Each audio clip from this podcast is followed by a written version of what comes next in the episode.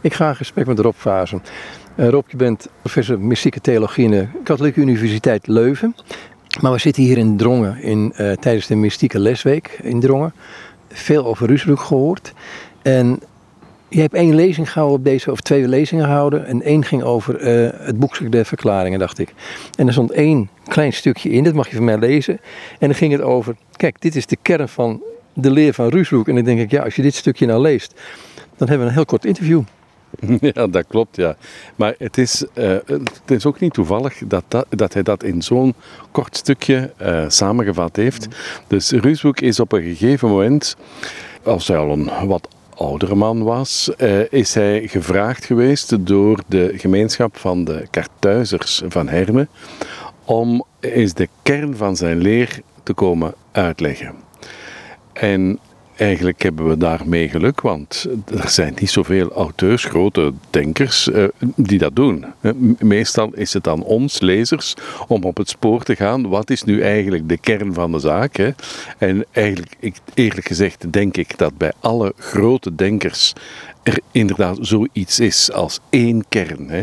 En van het moment dat we dat gezien hebben, dan hangt heel dat discours perfect samen. En dan, uh, bij wijze van spreken, de sleutel uh, om um, in dat denken binnen te treden. Uh, in het geval van Ruusbroek heeft hij het onszelf gegeven. Hè? Dus hij is daar bij die, uh, bij uitgenodigd geweest om, om hen dat zo duidelijk mogelijk uit te leggen. En nadien, dus hij heeft met die mensen ook nog wat gesprekken gevoerd. En nadien heeft hij dat te boek gesteld. Dat is een vrij kort traktaat geworden het boeksken der verklaringen, zoals het in het Middel-Nederlands heet. Dus het boekje, het is inderdaad, het is een kort traktaat hè, met of, ja, der verklaringen, verklaring, uitleg, uh, nadere toelichting, hè, zo zou het kunnen uh, vertalen. En hij zegt daarin. Uh, en dat is in één paragraaf heeft hij daarmee eigenlijk alles gezegd, maar hij gaat het dan nadien nog een beetje verder uitleggen. Hè. Ik heb dit gezegd. Ik, ik, ik lees, ik kijk nu naar de vertaling, hè, dus niet naar de Middel-Nederlandse tekst.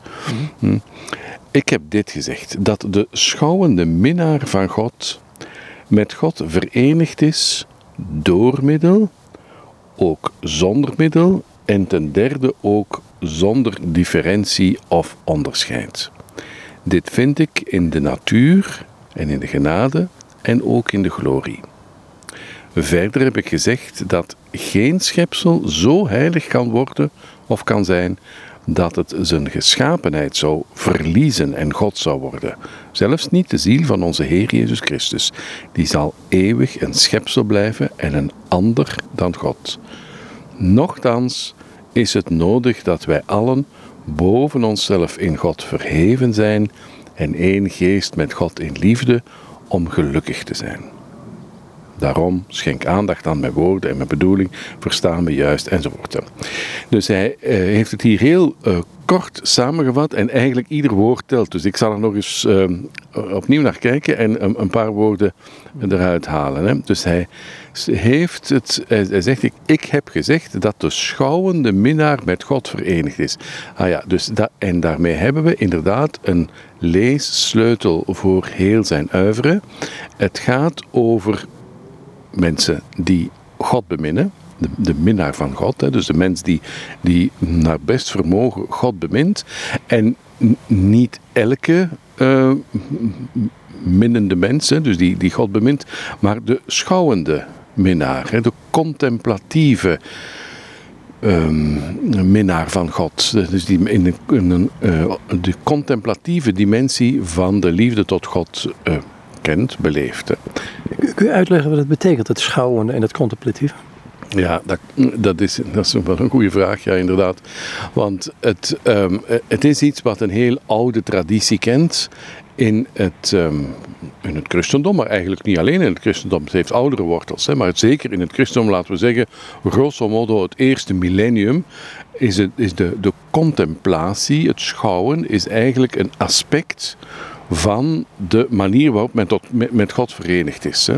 Er is een manier, uh, oh, ik, ik, kan het samenvatten met uh, de woorden van een, uh, een kartuizer uit de 12e eeuw.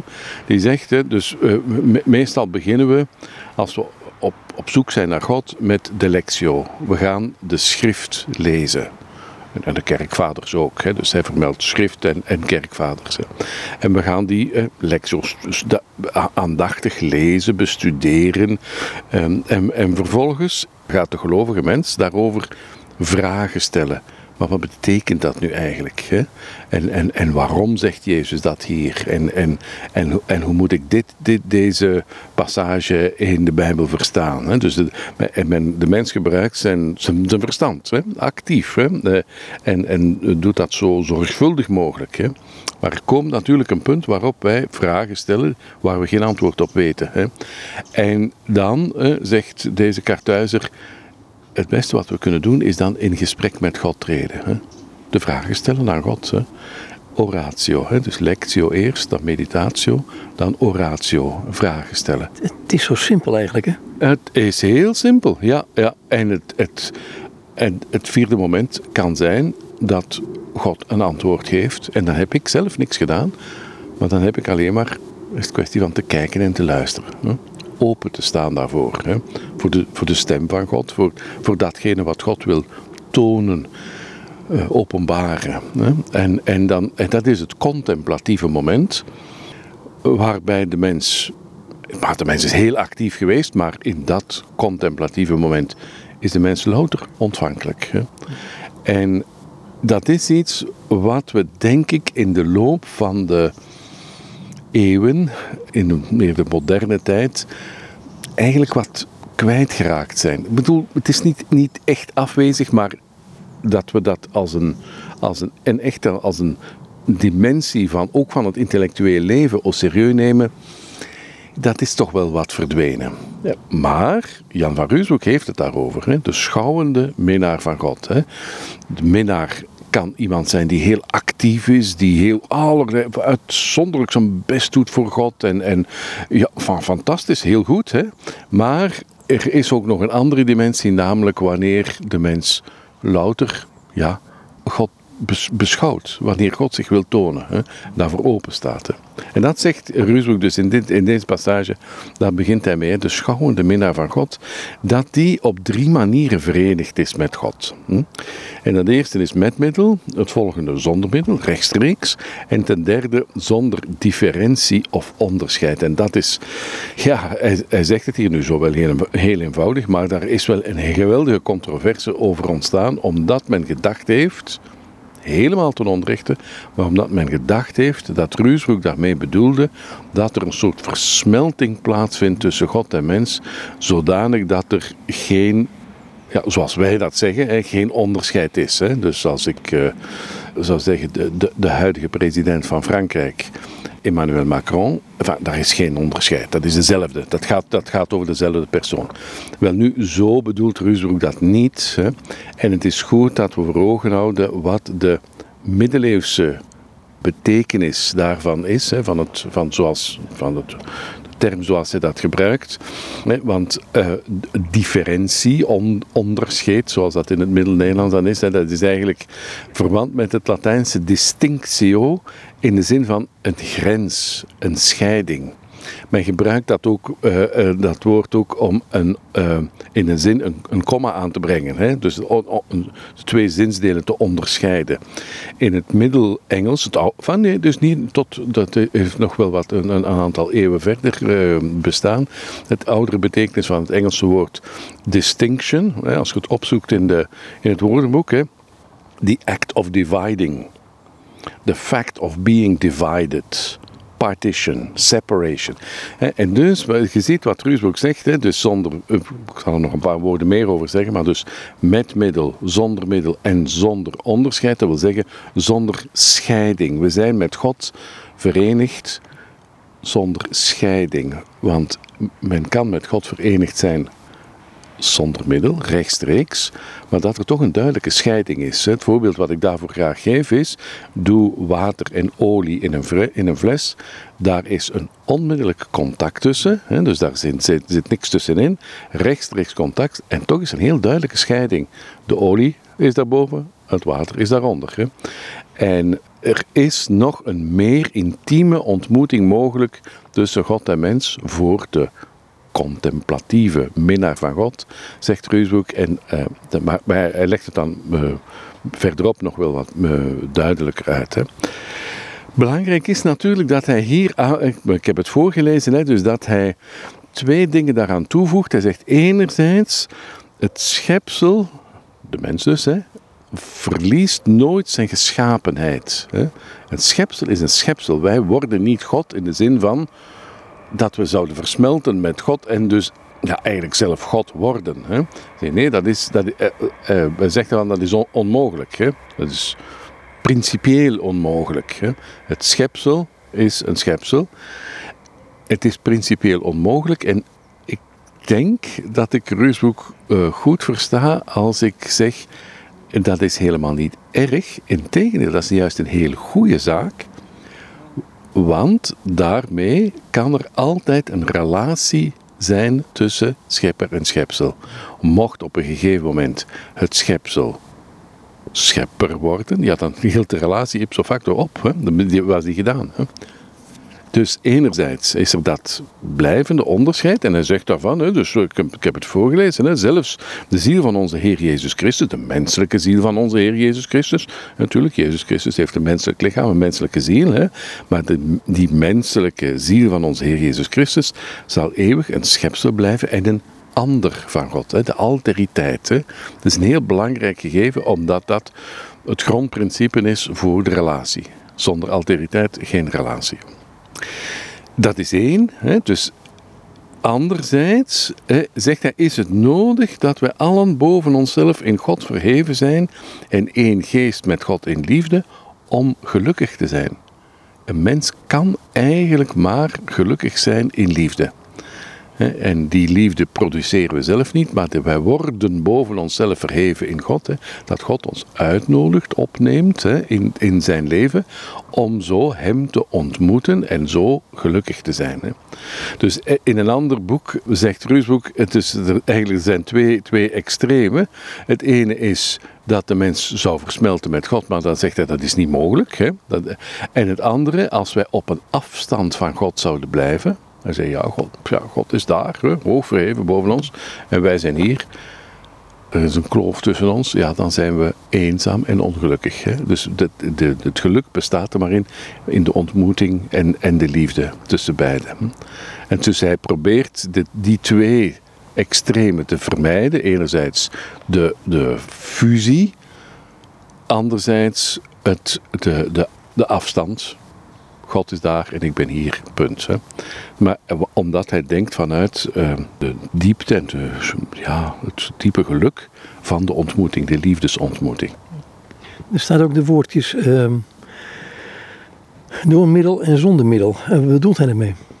Middel is datgene, het, ja, ik zou zeggen het, het medium. Hè? Het medium dat ons met God verenigt en verbindt. Hè? En een middel is iets, een, ja, iets uh, tussen God en ons in, dat, dat niet God is of dat niet de mens is, maar waarmee God zijn liefde uitdrukt voor ons. Hè. Een, ik zou zeggen een geschenk dat hij geeft, een cadeau dat hij geeft aan de mens en de mens op zijn beurt dat, daaraan beantwoordt door God ook geschenken te geven, uitdrukkingen van, van, van liefde. Hè.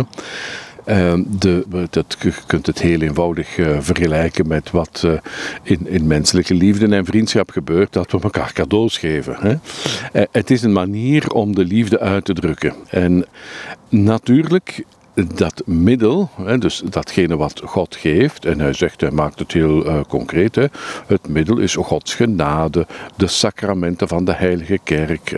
Dus we zouden verschillende voorbeelden kunnen geven, dingen die God geeft en die op zichzelf niet God zijn, maar wel van God komen en zijn, zijn liefde uitdrukken en waarmee wij met God kunnen verbonden zijn. Van onze kant uit, hè, zegt hij, de goddelijke deugden, geloof, hoop en liefde, een deugdzaam leven, overeenkomstig de geboden van God. Hè. Dat zijn manieren waarop een mens zijn liefde tot God kan uitdrukken. Dat is heel, heel waardevol en maar dat, is, dat is heel goed. Het is inderdaad een manier uh, waarmee we met God verenigd zijn. Maar daar blijft een zekere afstand. Hm?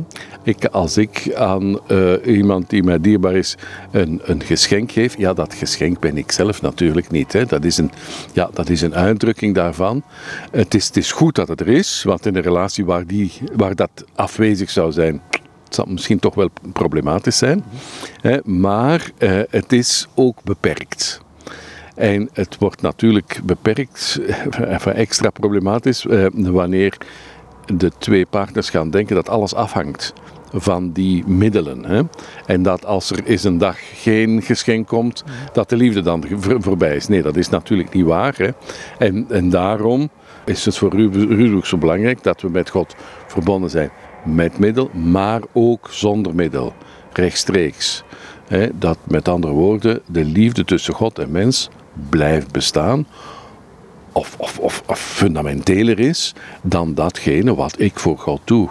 Of uh, de, wat zal ik zeggen, de, de diepe religieuze ervaringen die God mij geeft. Hè. Er zijn periodes dat die er helemaal niet zijn. Hè. Houdt de liefde daarmee op? Nee, natuurlijk niet. Hè.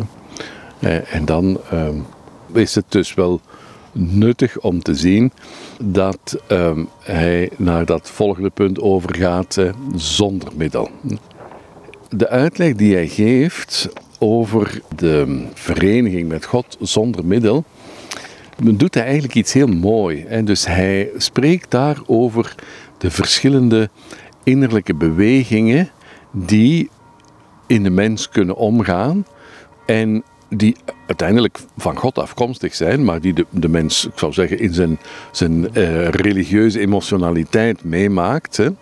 En die heel verschillend kunnen zijn. Want er is.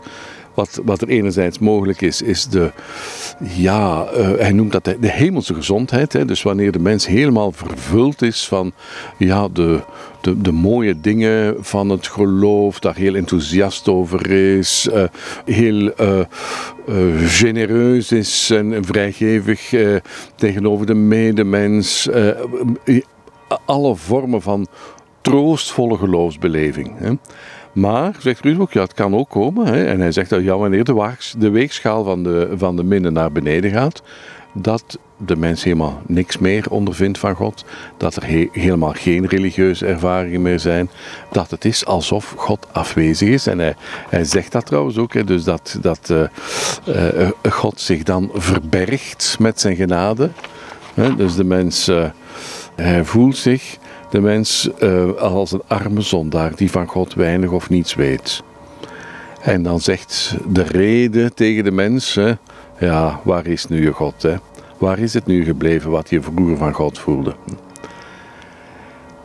Ik vind eh, de, de, manier waarop hij dat beschrijft, is eigenlijk heel um, scherpzinnig. Hè, en met, met uh, zin voor religieuze psychologie. Hè, dus dus dat, dat zijn dingen die inderdaad in een mensenleven kunnen gebeuren. En bovendien, hij geeft daarbij een heel diepzinnige raad. Hè? Met name bij dat tweede, hè? Die, die periode van, van dorheid, troosteloosheid. Nacht wordt dat soms ook. Ja. We kennen natuurlijk verschillende uh, voorbeelden van mensen die dat heel, heel existentieel beleefd hebben. Hè? En zijn uh, raad, ik ga het uh, eventjes voorlezen. De raad die hij dan geeft, hè? indien de mens van deze pijn zal genezen, dan moet hij beschouwen en voelen dat hij niet zichzelf toebehoort, maar God. En daar moet hij zichzelf loslaten in de vrije wil van God en God toelaten met zijn wil in tijd en eeuwigheid. Het is eigenlijk iets heel, iets heel eenvoudig. het, is, het, is, niet zo eenvoudig om het te doen, denk ik. Hè. Maar, maar tot het besef komen, het gaat van, in, in, in, in een periode van, van, van, van duisternis en nacht, hè, dat de, de mens tot een soort besef komt, maar het gaat uiteindelijk gaat het niet om mij, maar het gaat om God. Hè. Ik wil u, God, toebehoren. Hè.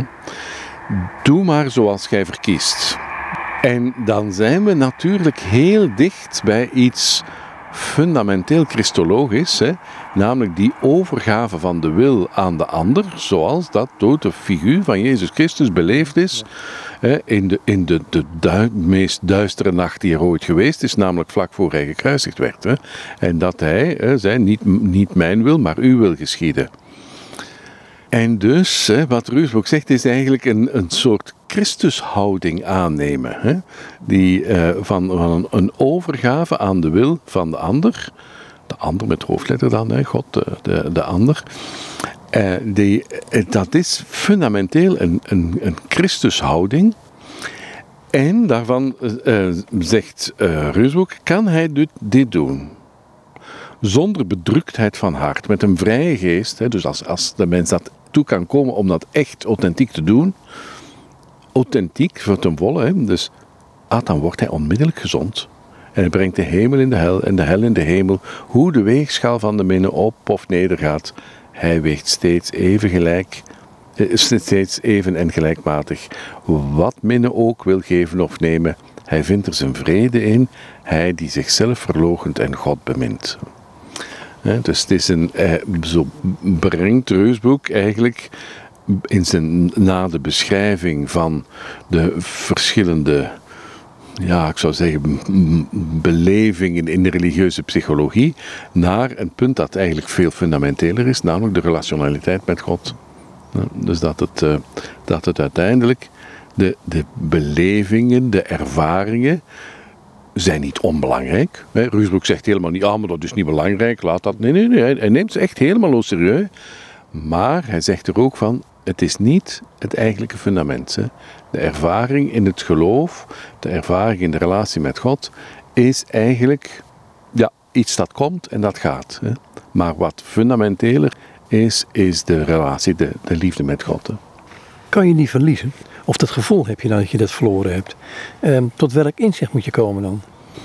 Ja, ja dat de, de, de, mens kan inderdaad het, de indruk hebben dat, er, dat de relatie met God ten einde is, verloren is. Uh, uh, en dan, um, ik, ik denk dat Ruud ook nog dezelfde raad zou geven. Namelijk, vertrouw er maar op dat het van de kant van God helemaal niet verloren is. En dus dat God er een, ja, een, een, een, een, meer uh, solider fundament heeft dan datgene wat ik misschien nu momenteel ervaar en de indruk heb, hè, want dat is natuurlijk als hij daar zegt, de reden zegt in de, in de mens, die, die, dus die, die, die troosteloosheid, die donker, de, de, de nacht, eh, de, de dorheid beleeft. De reden zegt in hem, waar is nu je God? Waar is nu gebleven wat je vroeger van God voelde? Het is de, de reden, het is een beetje een, een cynische toon die hier doorklinkt. Hè? Dat alsof de reden zegt, Och, het is, dat, het is, het is allemaal. Het, was, het, was, het is allemaal voorbij. Hè? En, ehm, en dat de mens dan hè, toch tot, het, tot een soort liefdesovergave kan komen. Hè? is dat, is dat een, een afgrond waar je in terecht komt dan? Ja, dat klopt. Hè. Ja, ja, ja, ja. En dat is trouwens datgene wat hij um, verderop zegt. Hè. Dus dat iemand die ertoe kan komen om die ik zou nu zeggen, Christusvormige attitude van overgave aan God te doen, hè, waarbij hij of, zij dus, uh, uh, zichzelf helemaal uh, wegschenkt aan God. Hè. Daarvan zegt hij, hè, dus zo deze persoon kan tot het besef komen dat die, de liefde die hij beleeft eigenlijk ten diepste grondeloos is. En dat is natuurlijk een belangrijk punt in de, ja, ik zou dan zeggen, de mensvisie van Jan van Ruzok, dat de mens niet zijn eigen fundament is, dat het, het, het ik niet het fundament is van, van de menselijke persoon, maar dat het fundament God zelf is, die eindeloos is. En hij beschrijft dat inderdaad soms in termen van afgrond. Hè. Dus eindeloos, niet begrensd, eeuwig. Eh, en als een fundament. Ja, is dat nu een stenen fundament of is dat een, een rotsfundament? Het is een, het is een onwaarschijnlijke diepte van liefde. Hè, die... Maar er zit ook nog iets anders bij. Dat is natuurlijk zijn visie op de schepping. Want het lijkt mij ehm, dat de mens zichzelf niet scheppen kan of herscheppen kan. Ja, dat is ook een, een, een eh, fundamentele overtuiging van Ruusbroek. Eigenlijk sluit het daarbij aan bij de, een heel uh, oude traditie. En dus dat de mens, dat God de mens um, schept uit het niets. Hè? En hij zegt, het is, niet, het is niet van zijn eigen substantie dat God de mens schept. Het is ook niet uit noodzaak. Het is, uh, hij is van de klassieke opvatting, de ex nihilo. De mens is geschapen uit niets. Maar in het licht van wat we nu juist aan het zeggen zijn, is dat eigenlijk een heel uh, mooie en diepzinnige gedachte. Namelijk dat, ja, waarom schept God mij? Wel, hij, heeft geen, heeft daar niks voorafgaand voor nodig. Het is niet dat de een of ander voorafgaande uh, substantie daarvan of, of uit zich, van, van een of ander partikel van zichzelf neemt. Hij hoeft het ook niet te doen. Het is pure liefde. En dat is natuurlijk als de mens tot het punt, op het punt komt om te beseffen: ik ben het feit dat, dat ik er ben, nog los van wat ik meemaak, of ik gezond ben of niet gezond ben, of ik gelukkig ben of niet, maar het feit dat ik er ben, dat dat voortkomt uit liefde. Het had evengoed niet kunnen zijn, komt voort uit liefde en blijft bestaan. Waarom? Omdat ik dat verdien? Nee, helemaal niet. Hè. Gewoon puur uit liefde. Hè. Ex nihilo, hè. uit het niets. Hè. Er, is, er is geen enkele, ja, niets waar ik op kan mij op kan beroepen en, en zeggen: uh, uh, God, maar, je moet mijn stand houden, want zie je, ik heb dit of dat of dat gedaan. Hè. Dus, nee, het is pure gratuite liefde. Dat geeft aan een mens natuurlijk een totaal andere visie op, ja, op het bestaan en op het bestaan van anderen en van heel de schepping. want van de schepping, hetzelfde kunt je, kunt je zeggen. De bomen die hier rondom, rondom ons staan, die hadden er even goed niet kunnen zijn. En, en die schepping wordt voortdurend in stand gehouden door de scheppende God.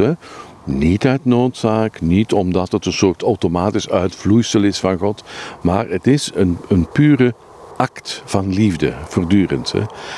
Dat is een, een soort omwenteling van het denken dat een fundamenteel vertrouwen kan teweegbrengen. Dat de, dat de mens een grondvertrouwen in God als oorsprong en als einddoel tegelijkertijd kan bewaren. Vraag toch wat je al eerder noemde, die ontvankelijkheid. Eh, en hoe kom je tot die ontvankelijkheid? Want als ik nou in deze maatschappij kijk, waar we even, we zitten hier in Drongen, in een kloostertuin, maar goed, het mechanisch denken lijkt steeds meer um, de mensen toch in zijn in, eh, beslag op de mensen te krijgen. In de zin van, dit is het allemaal, dit is het leven, verder is er niks. Uh, dus je moet eruit halen wat erin zit. Uh, maar hoe kunnen wij vanuit dat denken tot die ontvankelijkheid komen? Dat lijkt me soms een moeilijkheid in deze tijd. Nou ja, zeker. Ja, ja. Dat, is, uh, dat is duidelijk, want wij hebben eigenlijk in onze, de manier waarop we in het leven staan, is heel dominant de, de, de, de, de grondcategorie dat we de zaken beheersen en dat we de zaken construeren. En dat de, de werkelijkheid rondom ons uh, ja, dat, van ja, dat we die proberen te beheersen en ons verzekeren tegenover datgene wat niet beheersbaar is. Hè. En uh, dat brengt me terug bij dat, uh, dat eerste punt waar ik het daarover had, over de contemplatie. Want de contemplatie is natuurlijk, contemplatie is absoluut onbeheersbaar. Hè. Het is pure, pure ontvang. Het enige wat men moet doen is ontvankelijk zijn en ja, misschien geeft God iets, maar misschien geeft hij ook niks vandaag. Hè. Dus, uh, en, en, en die een soort overgave, openheid, hè, die eigenlijk heel, nog maar heel minimaal in onze cultuur aanwezig is. Hè. Dus het is alsof wij alleen maar zelf actief kunnen zijn als, als mensengemeenschap. Hè. Dus niet, niet alleen individueel, maar ook als, als mensengemeenschap. En, en dat alles afhangt van datgene wat wij doen construeren, beheersen, regelen. Hè? En dat wij die contemplatieve uh, attitude eigenlijk voor, voor, een heel groot deel kwijtgeraakt zijn. En dat, dat, dat heeft zich ook vertaald in, uh, in religieuze zaken. In de manier waarop de mens zich tot God verhoudt. En dat er misschien wel allerlei interessante meditatieoefeningen zijn, waar de mens heel actief is, uh, allerlei programma's volgt. Uh, uh, en, en die zijn op zich natuurlijk heel goed. Hè? Maar misschien is er nog iets anders mogelijk. Hè? Puur open zijn en ontvankelijk voor. Um, ja, voor datgene wat God wil tonen of God wil zeggen, wanneer Hij het wil en hoe Hij het wil. Hè? Met vorig wat je zei, eigenlijk op een gegeven moment het punt van ja, bijna klinkt het als geef je maar over een God, hij weet wat goed voor je is. Het kan bijna leiden tot wat Johannes van het Kruis dacht een soort heilige onverschilligheid lijkt. Ja, en het is, um, het is natuurlijk iets wat in de loop van de eeuwen ook uh, verkeerd verstaan is. Hè? Want het, um, het misverstand zou kunnen zijn dat dit dan inhoudt, ja, maar dus eigenlijk hoeven we niks te doen. We moeten maar gewoon maar zitten. Hè? En maar, maar wachten tot, van laat God het nu maar oplossen. Hè? Dus, uh, en op dat punt is Ruusbroek natuurlijk een heel interessante auteur, omdat hij die twee samenhoudt. Hè? Als hij zegt met middel en zonder middel, hè, ik kan het daarmee in verband brengen, want die middel is onder andere ook onze activiteit, de dingen die wij doen, de opbouw van een betere samenleving, uh, uh, de zorg voor de naaste, uh, noem maar op, hè, dingen die eigenlijk die wij zelf kunnen doen. Hè. Maar dat er een toebehoren is dat fundamenteler is dan dat. Hè. En waar ik eigenlijk gewoon open sta voor de ander zoals die ander is. Hè. Ander met hoofdletter dan, maar eigenlijk geldt dat ook voor intermenselijke relaties, denk ik. Hè. Dus dat dat, dat probeert Ruushoek juist samen te denken. En het is niet het ene of het andere, maar het is het ene en het andere. En ze zijn gewoon van een, van een verschillend niveau. En ze kunnen perfect samengaan. Dus er kan een, een, een, een geweldige uh, ja, zorg, actieve zorg voor de ander zijn. Uh, en in, uh, waar de mensen echt zelf heel actief is. Of laten we zeggen in menselijke vriendschap waar ik allerlei dingen doe voor, voor de ander. Hè, en tegelijkertijd toch ook weet dat het toebehoren veel fundamenteler is dan dat. En als er op, op een bepaald moment niks gebeurt, dat dat het toebehoren helemaal niet uh, doet verdwijnen. Dus, is daarin de notie van uh, het leven is een gave belangrijk? Ja, heel zeker. Hè. Ja, ja. Ja, ja. Dus dat is eigenlijk een van de meest fundamentele dingen hierbij. Hè. Dus het, het, het, punt om te komen tot een, een soort bewondering en, en, dankbaarheid voor datgene wat eigenlijk allemaal gave is. Hè. En dat wat wij doen een antwoord is op die gave. En misschien dat dat wel iets is wat onze cultuur kwijtgeraakt is. Dat besef van van de gave, eh, de dankbaarheid voor de gave, de bewondering voor datgene wat gegeven wordt.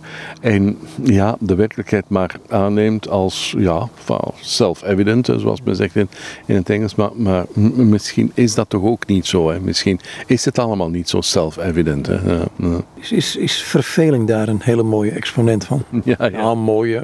ja, maar duidelijk, ja. ja. ja. Het is een, het is een, een, een goed voorbeeld. Hè? Want de, ja, de verveling is ja, wat zal ik zeggen, de daar waar de mens die niet meer weet wat contemplatie is en zich begint te vervelen dan. Hè. En, en, en het, woord, het Nederlandse woord zegt het zelf eigenlijk, hè, dan zich verliest in veelheid hè, en verbrokkeld wordt en, en, en, en zijn innerlijke eenheid verliest. En dat is natuurlijk een van de, van de mooie punten bij Ruusboek, hè, dat dat uh, voor hem, hij, hij heeft daar prachtige bladzijden over in de geestelijke bruiloft zijn, zijn, zijn hoofdwerk, uh, waar hij uh, aangeeft hoe de mens zijn, zijn innerlijke eenheid terugvindt, niet door allerlei uh, interessante en, en, en goede oefeningen te doen, maar omdat God hem in het diepst van zijn wezen aanraakt. Hè. Het enige wat nodig is, is een zekere openheid daarvoor. Hè. Maar dus de, de aanraking, Rusboek gebruikt dat woord aanraking, ook in het Middel-Nederlands is het gerienen, aanraken. Hè. En dat daardoor de verschillende vermogens van de mens, de zintuigen, datgene wat er allemaal in door onze gedachten gaat, allemaal tot eenheid gebracht wordt, gefascineerd door die innerlijke aanraking van God. Hè. Dat is eigenlijk een van de, van de um, belangrijke punten in het denken van, van Reusboek, dat, dat God in, in het diepste wezen van de mens de mens kan aanraken en dat de mens dat beseft, voelt. Van, ik weet niet of, de, of dat het juiste woord is, want dat is een, het is natuurlijk een ander voelen dan wanneer ik iets op mijn huid voel of iets op mijn tong voel, maar uh, je gebruikt die termen toch, hè, van, van ja, aanraken en de aanraking voelen en daardoor ontroerd worden, ingetrokken worden, op zoek, op zoek gaan naar die scheppende God die daar puur uit liefde de mens ja, de, de gave van, van het bestaan geeft, voortdurend. Hè, en hij zou het evengoed ook niet hebben kunnen doen. Ik denk aan een, aan een uitspraak van Augustinus. Ehm, want je had het net over het overstijgen van jezelf. Maar vertaal ik het goed als ik zeg dat, ehm, dat God mij dichter nabij is dan ik mezelf ken. Wat ik een hele moeilijke vind, moet ik zeggen. Maar dat geeft iets aan van het feit dat ik kan rusten in God in wezen.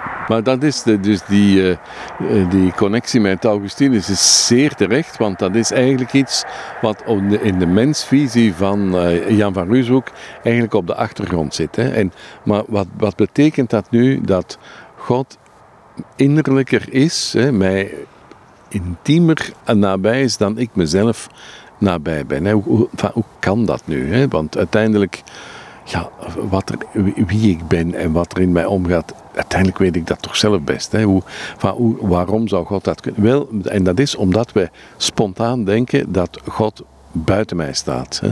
Maar hij is natuurlijk degene die het diepste punt van, van, van wat ik ben, namelijk het feit dat ik er ben, voortdurend in stand houdt. Rechtstreeks. Hè? Als God zijn scheppende contact maar als we, al was het maar een fractie van een seconde, eventjes zou loslaten, ik zou ophouden te bestaan. Hè? Dus dat, uh, en uh, in die zin is God eigenlijk dieper dan het diepste van mezelf. Hè? En is dat, ook, dat is een soort omwenteling van het denken wanneer je daar uh, bij stilstaat.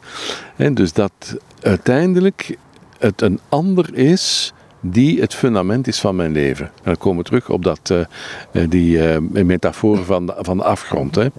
Dus dat, er, dat mijn leven gefundeerd is op, het, op mijn ik. Nee, op de ander. Ander met hoofdletter. Hè? Dus die, op de, de, de scheppende God.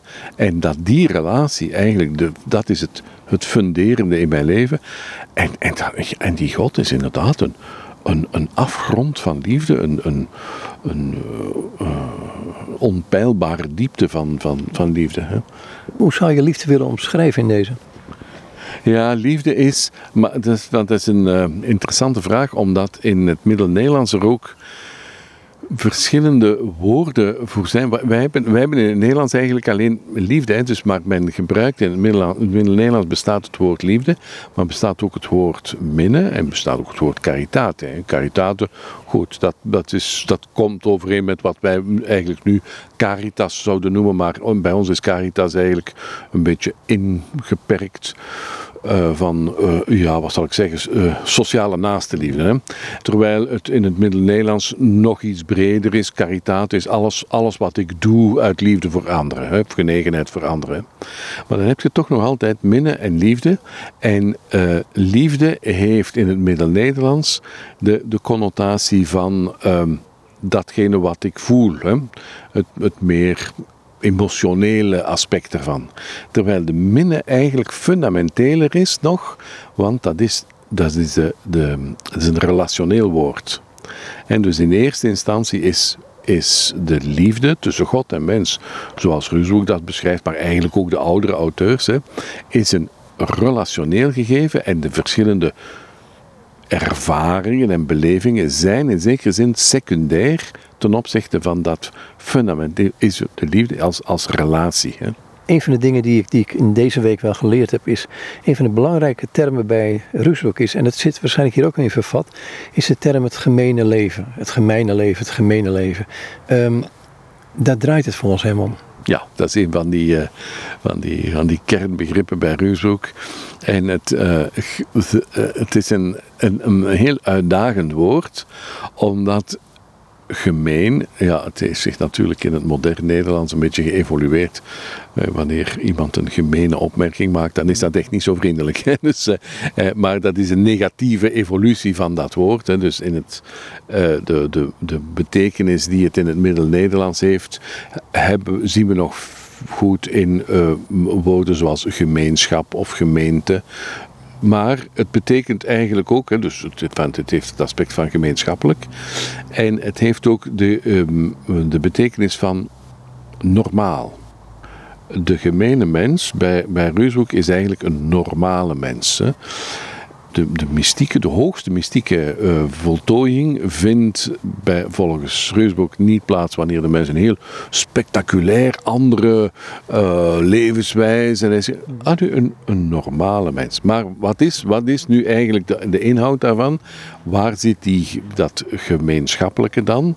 Eh, dat zit in de relationaliteit tussen God en mens. Hè, die enerzijds een grote activiteit van de mens impliceert, want relatie en liefde is niet iets wat er zomaar komt. Hè. Dus daar, daar, daar is, hè, de mens is verbonden met God met middel.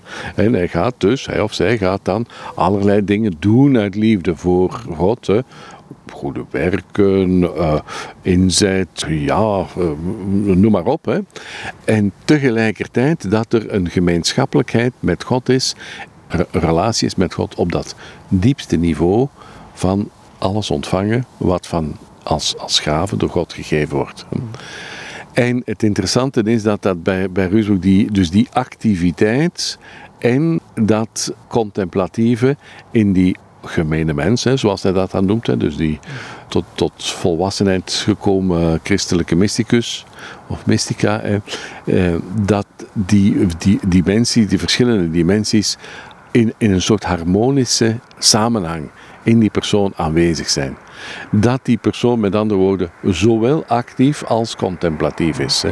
Dat het niet een bepaalde periode actief en dan daarna contemplatief. Ook niet uh, een paar dagen in de week actief en, en, en, de, en de zondag contemplatief. Maar dat er echt dat dat twee aspecten zijn van één en dezelfde werkelijkheid, van één en dezelfde relationaliteit met God. Als hij deze richtlijnen nou neerlegt hè, in dit, deze boekje der verklaringen, zijn het algemene richtlijnen of heeft het ook iets bijzonders? Want het kan zowel voor iedereen gelden, maar wat ik begrijp eruit, is het ook niet weer niet voor iedereen hetzelfde. Nee, dat klopt. Nee, nee. Uh, en dat is, ik, ik, vind dat zelf een van de, uh, de heel charmante uh, aspecten van um, de, de, manier van denken van Ruusboek. Dat precies omdat alles gefundeerd is in die heel persoonlijke liefde van God voor ieder mens, dat ieder mens daar in, in, in dat perspectief uniek is er is terzelfde tijd hè, bij Ruusboek een grote aandacht voor de, de, de gemeenschap. Hè, dus dat we echt gemeenschap vormen als, als, als mensen. Hè. En, en dat tegelijkertijd er, eh, hij een grote waardering heeft voor de, de uniciteit. Het, het onvergelijkbaar andere van deze mens of die mens. En, en, en dat God niet bemint met een soort algemeenheid, hè, zoals, uh, ja, wat zal ik zeggen, de, van, ja, de, de, de, grondwet van, van het land voor, voor ieder mens geldt, hè, maar, en, en de, de, pure algemeenheid, hè, maar dat er een unieke en onvergelijkbare manier is waarmee de relatie tussen deze mens en God en die mens en God hè, iets, iets op, heel verschillend is en heel uniek. En, en daarom niet meer of minder, hè, maar uniek is. Hè. En het, het ene sluit het andere niet uit. Hè. Dus dat, dat, dat maakt hem helemaal geen individualistisch denker. Mhm. hè, alsof het uh, alleen maar uh, dit individu en God is. Hè. Want tegelijkertijd behoudt hij heel goed die uh, diepe gemeenschappelijkheid die wij vinden eh, in onze ontmoeting met God. Hè. Is, is het feit dat wij anders zijn van elkaar, eh, bijzonder zijn voor God, is dat niet een voorwaarde voor gemeenschap? Dat is zo, hè. Ja, ja, ja, ja, ja. Want liefde veronderstelt alteriteit. Hè? Dus er is geen liefde mogelijk als die alteriteit ongedaan gemaakt wordt. Eh, wanneer er een, een, soort fusie moet plaatsvinden tussen um, de, de, de, verschillende partners, dat, dan, uh, dan dood, dat, dat doodt de, de liefde. Uh, hij heeft daar een heel uh, goede voeling mee met het feit dat dat de grondcategorie is waar, dat die nodig is, opdat er überhaupt ontmoeting en liefde mogelijk zou zijn. Ja in het beginstukje wat je gelezen hebt, of daarvoor althans, er stond een stukje in, dat vond ik ook wel interessant, want je hebt in deze week twee lezingen gehouden. En dan ging het over, ik wil geen woorden schrijven, als ik het in mijn hoofd doe, zodat niemand door mijn woorden ontsticht zou worden. En ik moet denken wat jij de eerste avond zei over ehm, de manier waarop Eckhart met dingen omging en Ruusbroek. Ja, de periode waarin Ruusbroek uh, schrijft, is een tamelijk moeilijke tijd. Hè. Dus ik heb uh, jaren geleden is een, kleine, een, kort, een klein boekje, een korte inleiding op Ruusboek geschreven, waar ik hem genoemd had een, uh, een contemplatief theoloog in een moeilijke tijd. En dat heeft te maken met het feit dat er kort voor hij eh, zijn eerste werk geschreven heeft, er een veroordeling heeft plaatsgevonden eh, van een aantal zinnen uit het werk van uh, meester Eckhart. Dus er is een. Dat is, een, dat is een hele geschiedenis op zich. Hè. Dus meester Eckhart is op een gegeven moment aangeklaagd geweest, of beschuldigd geweest van, uh, van ketterse meningen. Uh, dat is eerst in um, de, de, door de bisschoppelijke inquisitie in Keulen aangepakt geweest. En Eckhart heeft toen uh, terecht een, een, uh, een, beroep gedaan op zijn uh, status als Dominicaan. Dat hij alleen kon beoordeeld worden door een pauselijke het pauselijk gezag. En het hele dossier is dan overgebracht naar het, uh, het Hof van de Paus, die toen in, in Avignon resideerde. En een van de dingen die dan opvalt, hè, dus wanneer we, we hebben die ondervragingen nog hè, van uh, Eckhart in Keulen en in, uh, in Avignon, een van de dingen die opvalt is dat er blijkbaar aan, door die, voor die uh, pauselijke theologische commissie die hem ondervroeg van de inquisitie, dat er uh, heel wat problemen waren die men in, van, dingen die men in, Keulen problematisch vond en die geen enkel probleem waren daar. Hè. Dus het, het aantal problematische zinnen verminderde. Uh, dat is één. Ten tweede uh, heeft men in het besluit, hè, dus van een aantal zinnen gezegd, ja, die klinken inderdaad uh, niet volgens de, de, de, beproefde geloofsleer, maar sommige daarvan kunnen ook wel goed verstaan worden. En, maar dan is er meer uitleg en betere uitleg nodig. En, en dan is het, het typische, dat is, van, je, kunt dat, kunt dat heel mooi zien. Hè. Dus Eckhart heeft een veel um, ja, hoe moet ik zeggen, bijna provocerender manier van spreken. Wij zeggen, hij gaat er met gestrekt been in. Ja, ja, ja, ja. En, maar hij deed dat natuurlijk wel bewust. Hè. Dus, uh, van, ja, het is een, een heel grote denker. Hè. Dus, uh, en hij, hij kon zo van die dingen zeggen, waardoor de, de luisteraars, of de lezers, wat zullen vooral luisteraars geweest zijn, gechoqueerd waren en probeerden dan te zeggen, maar wat, waarom zegt hij dat? Ah, misschien bedoelt hij dat en dat. Dus om, om, het, om het denken open te breken. Hè? Dat is het eigenlijk. Hè? Maar het gevolg is dat natuurlijk veel van die dingen ook verkeerd verstaan werden. En dus is die raad die men. Van dus uiteindelijk is daar eh, in Avignon ook een officiële verklaring, een, een officieel document ondertekend door de toenmalige paus eh, gekomen. Dus dat eh, een aantal van die zinnen ook wel goed kunnen verstaan worden. Dus ze klinken ketters, als ik het nu zo maar kan zeggen. Eh, maar ze kunnen ook goed verstaan worden, mits betere, duidelijker, uitvoeriger uitleggen. En kort nadien, wat zit er tien jaar, iets, ongeveer tien jaar zit ertussen. Dan is Jan van Ruusbroek zijn eerste werk klaar. En je ziet, dat is een heel andere stijl. Dat is niet meer die wat provocerende, retorische stijl. Hij probeert heel nauwkeurig en, eh, en analytisch te zijn. En dan komen we inderdaad, hè, waarom doet hij dat? Hè? Dus wanneer hij zegt, hè, ik zou willen, hè, dus uh, sommige van mijn vrienden verlangen en hebben me gevraagd dat ik met korte woorden zou tonen en verklaren, zo goed als ik kan, de intiemste, helderste waarheid die ik versta en voel, van de hoogste leer die ik geschreven heb, zodat niemand door mijn woorden ontsticht zou worden, maar iedereen gesticht. Met andere woorden, dat ik de mensen qua geloofsleer niet op een dwaalspoor breng, hè, dat, ze, dat ze tot verkeerde conclusies komen, maar dat ik ze op de rechte weg hou. Hè. En het, waar, het ging dan natuurlijk vooral over die, uh, de kartuizers van, van Herne, die uh, een paar ja, serieuze vragen hadden bij het werk van Ruusbroek. Ja, leg het ons eens uit. Hè vind dat trouwens, tussen naakjes gezegd, eigenlijk een heel uh, mooie aanpak van die uh, kartuizers. Die hadden ook kunnen zeggen, dat klinkt verdacht, we zullen eens gaan, uh, schrijven ze een brief naar de, naar de plaatselijke inquisiteur. Hè. Nee, hij zegt, kom het eens uitleggen bij ons. Hè. En we, hebben ook een, eh, een kort verslag daarvan, van zijn bezoek, hè, dat de, de, de monnik in kwestie zegt dat ze allemaal zeer gesticht waren door Rusbroek. En dat hij een heel ja, een heel um, een, persoon was die helemaal niet de aandacht op zich trok. Hè. Een heel nederige persoonlijkheid. En, en, uh, en dat ze vooral door zijn, door zijn woorden gesticht waren. Ik moest aan het einde van, tenminste die voordracht van het boek de verklaringen, heel sterk denken aan wat ik lees in het Johannes-evangelie. Vooral Johannes 17, het hoge priestelijk gebed. Het, het is of je daarop bijna parafraseert. Ja, ja, ja, ja, ja. Hij komt op het einde van die tekst, dat is zo'n beetje de, de climax, zal ik zeggen. Hè? Dus dat hij, hij zegt het, uh, wat ik nu uitgelegd heb, eigenlijk kunnen we dat zien in de, de woorden van Jezus, het gebed dat hij gebeden heeft voor ons. Hè, waarvan hij zegt dat is het, het, het mooiste gebed. Hè. Uh, iets wat tussen haakjes gezegd hij, uh, overneemt van Hadwig. Want Hadwig zegt ook, dat is het mooiste wat er in de schrift staat.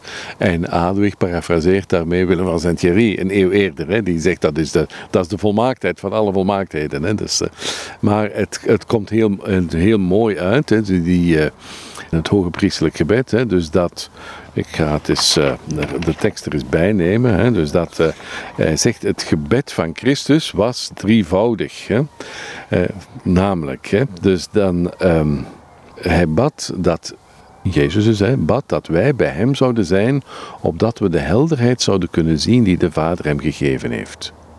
Daarom zei ik in het begin dat alle goede mensen met God verenigd zijn door middel van Gods genade en hun deugdzaam leven.